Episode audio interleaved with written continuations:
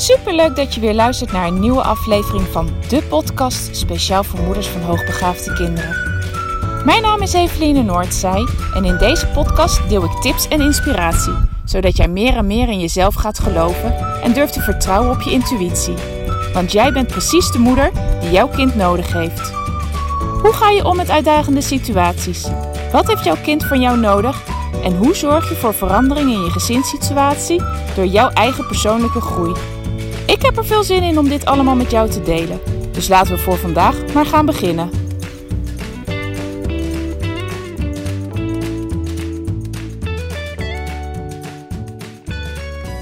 Een nieuwe dag, een nieuwe podcast. Hi, leuk dat je weer luistert. Een opmerking die ik veelvuldig hoor binnen in de praktijk is dat ouders zeggen van ja, onze tweede of derde, ja, die is zo heel erg anders. Ik verwacht eigenlijk niet dat die ook hoogbegaafd is. We hebben het er dan vaak over naar aanleiding van het onderzoek van een oudere broer of zus. En dan geef ik ook altijd mee van let ook op het volgende kind of de volgende kinderen, want hoogbegaafdheid is iets wat erfelijk kan zijn. En de kans dat een broertje of een zusje ook HB is, is gewoon heel erg groot. Dat is, ja, dat is heel realistisch om dat ook te verwachten. En dan is dus het standaard antwoord: ja, ik denk het niet hoor, want ik zie daar niet zoveel kenmerken van. En dat is nou juist de valkuil. En vandaar dat ik ook de podcast hier vandaag over wil doen, want dat uh, binnen de groep HB'ers, dus binnen de groep kinderen die hoogbegaafd zijn, zitten enorme verschillen. Simpelweg thuis zie ik het verschil al. Het ene is heel introvert, de andere is extravert.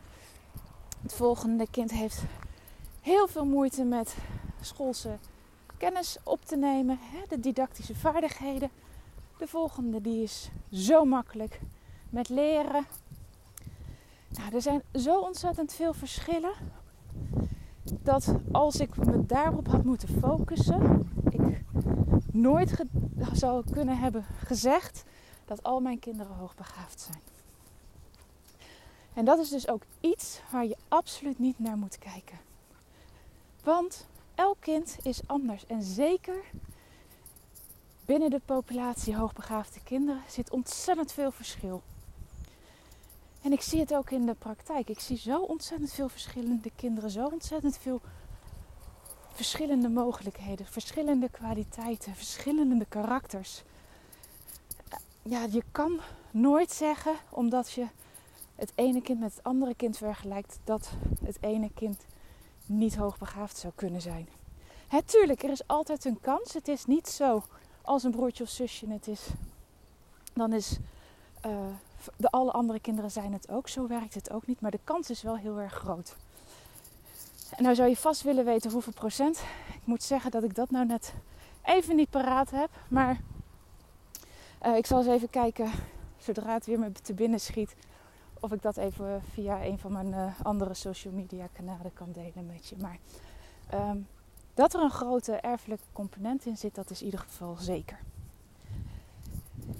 En op het moment dat ouders uiteindelijk zover zijn, omdat hè, nummer 2 of nummer 3 toch ook vast begint te lopen binnen school, of bepaalde gedragingen gaat vertonen waarvan de ouders zeggen: Ja, jeetje, ik weet toch helemaal niet zo goed wat ik hiermee aan moet. Eveline, kan je toch ook hem of haar eens onderzoeken? En ik doe dat, dan zie ik heel vaak dat het gewoon klopt. De bewering die ik net had, de kans dat een broertje of zusje ook hoogbegaafd is, is gewoon heel groot. En uh, ja, die komen er dan uit, ook uiteindelijk uit als hoogbegaafd. Alleen ze zijn heel anders.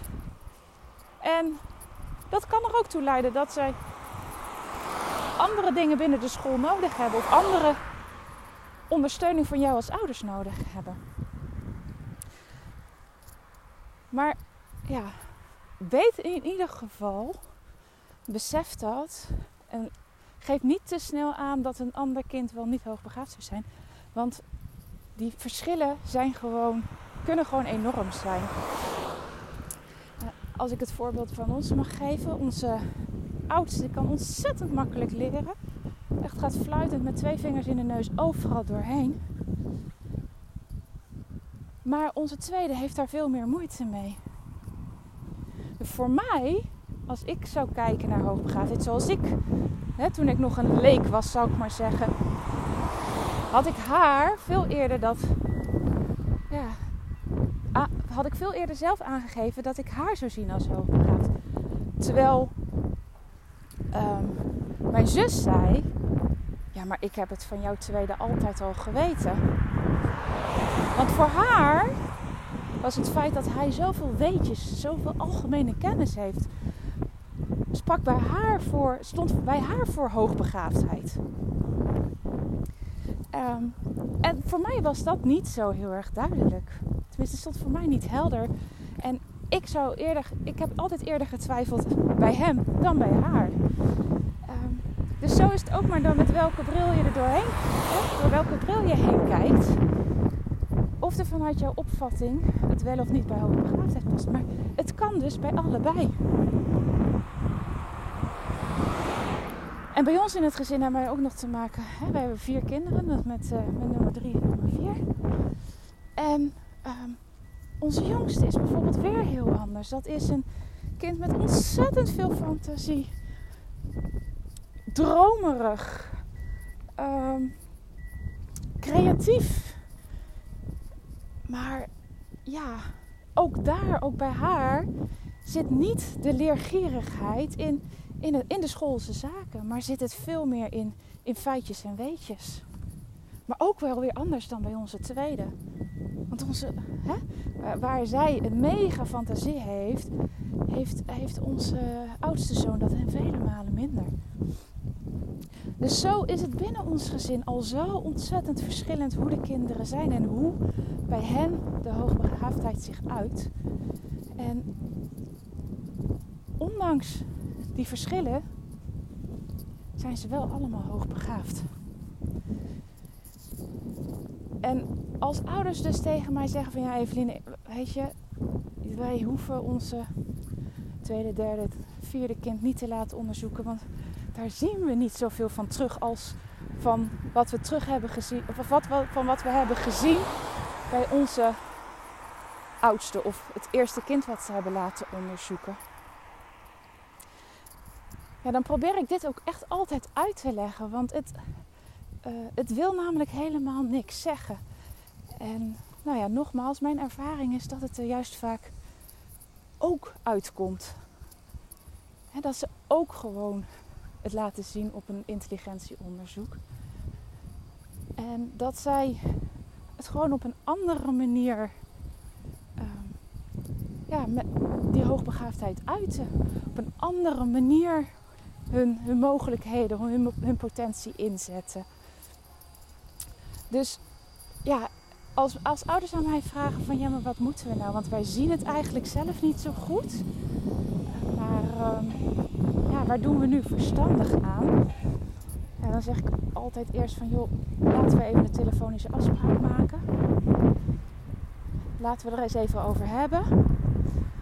En laten we kijken ja, op wat voor manier we hier nu mee omgaan. En eigenlijk 9 van de 10 keer bij zo'n ja, telefonisch gesprek geven ze me een heleboel dingen aan waarvan ik zeg, ja, dat zie jij misschien zelf niet zo als zijnde een kenmerk van hoogbegaafdheid. Maar dat kan wel degelijk. En uh, ja, dan geef ik ook eerlijk aan of ik denk dat het, uh, ja, dat het voor hen iets gaat opleveren om een, uh, om een onderzoek wel of niet in te plannen. En op het moment dat we hem dus inplannen, zoals ik daarnet ook al zei, ja, dat is heel vaak dat het er dus wel degelijk uitkomt. En dan zijn die ouders heel erg opgelucht en, en, en ja, ook blij dat ze uiteindelijk de stap toch hebben gezet. Omdat ze het niet hè, verwacht hadden of, of toch meer twijfels erover hebben gehad. En um, uiteindelijk met die uitslag toch een stap verder kunnen. En ook voor, voor het volgende kind of het, of het andere kind de juiste hulp en ondersteuning kunnen krijgen. Want dat is uiteindelijk, hè, zoals je me vaker hoort zeggen, dat is uiteindelijk het doel. Het gaat niet om het IQ-getal. Het gaat gewoon om dat het kind krijgt wat het nodig heeft om zich uh, optimaal te kunnen ontplooien, om gelukkig te zijn, lekker in het vel te zitten. En dat is, uh, dat is uiteindelijk het doel. Dus nogmaals, um, ook al zie je het misschien zelf niet altijd, maar heb je al een kind en zet je je, ja, je andere kind daar tegenaf en denk je van nou dan zal het haast wel niet. Um, nou, overdenk het nog eens. En uh, kom je er zelf niet uit, uh, plan gerust een telefonische uh, afspraak met mij in. Geheel vrijblijvend, geen probleem om even met je mee te denken en je te voorzien van advies. Hey, voor vandaag wens ik je weer een fijne dag en tot morgen. Doei doei!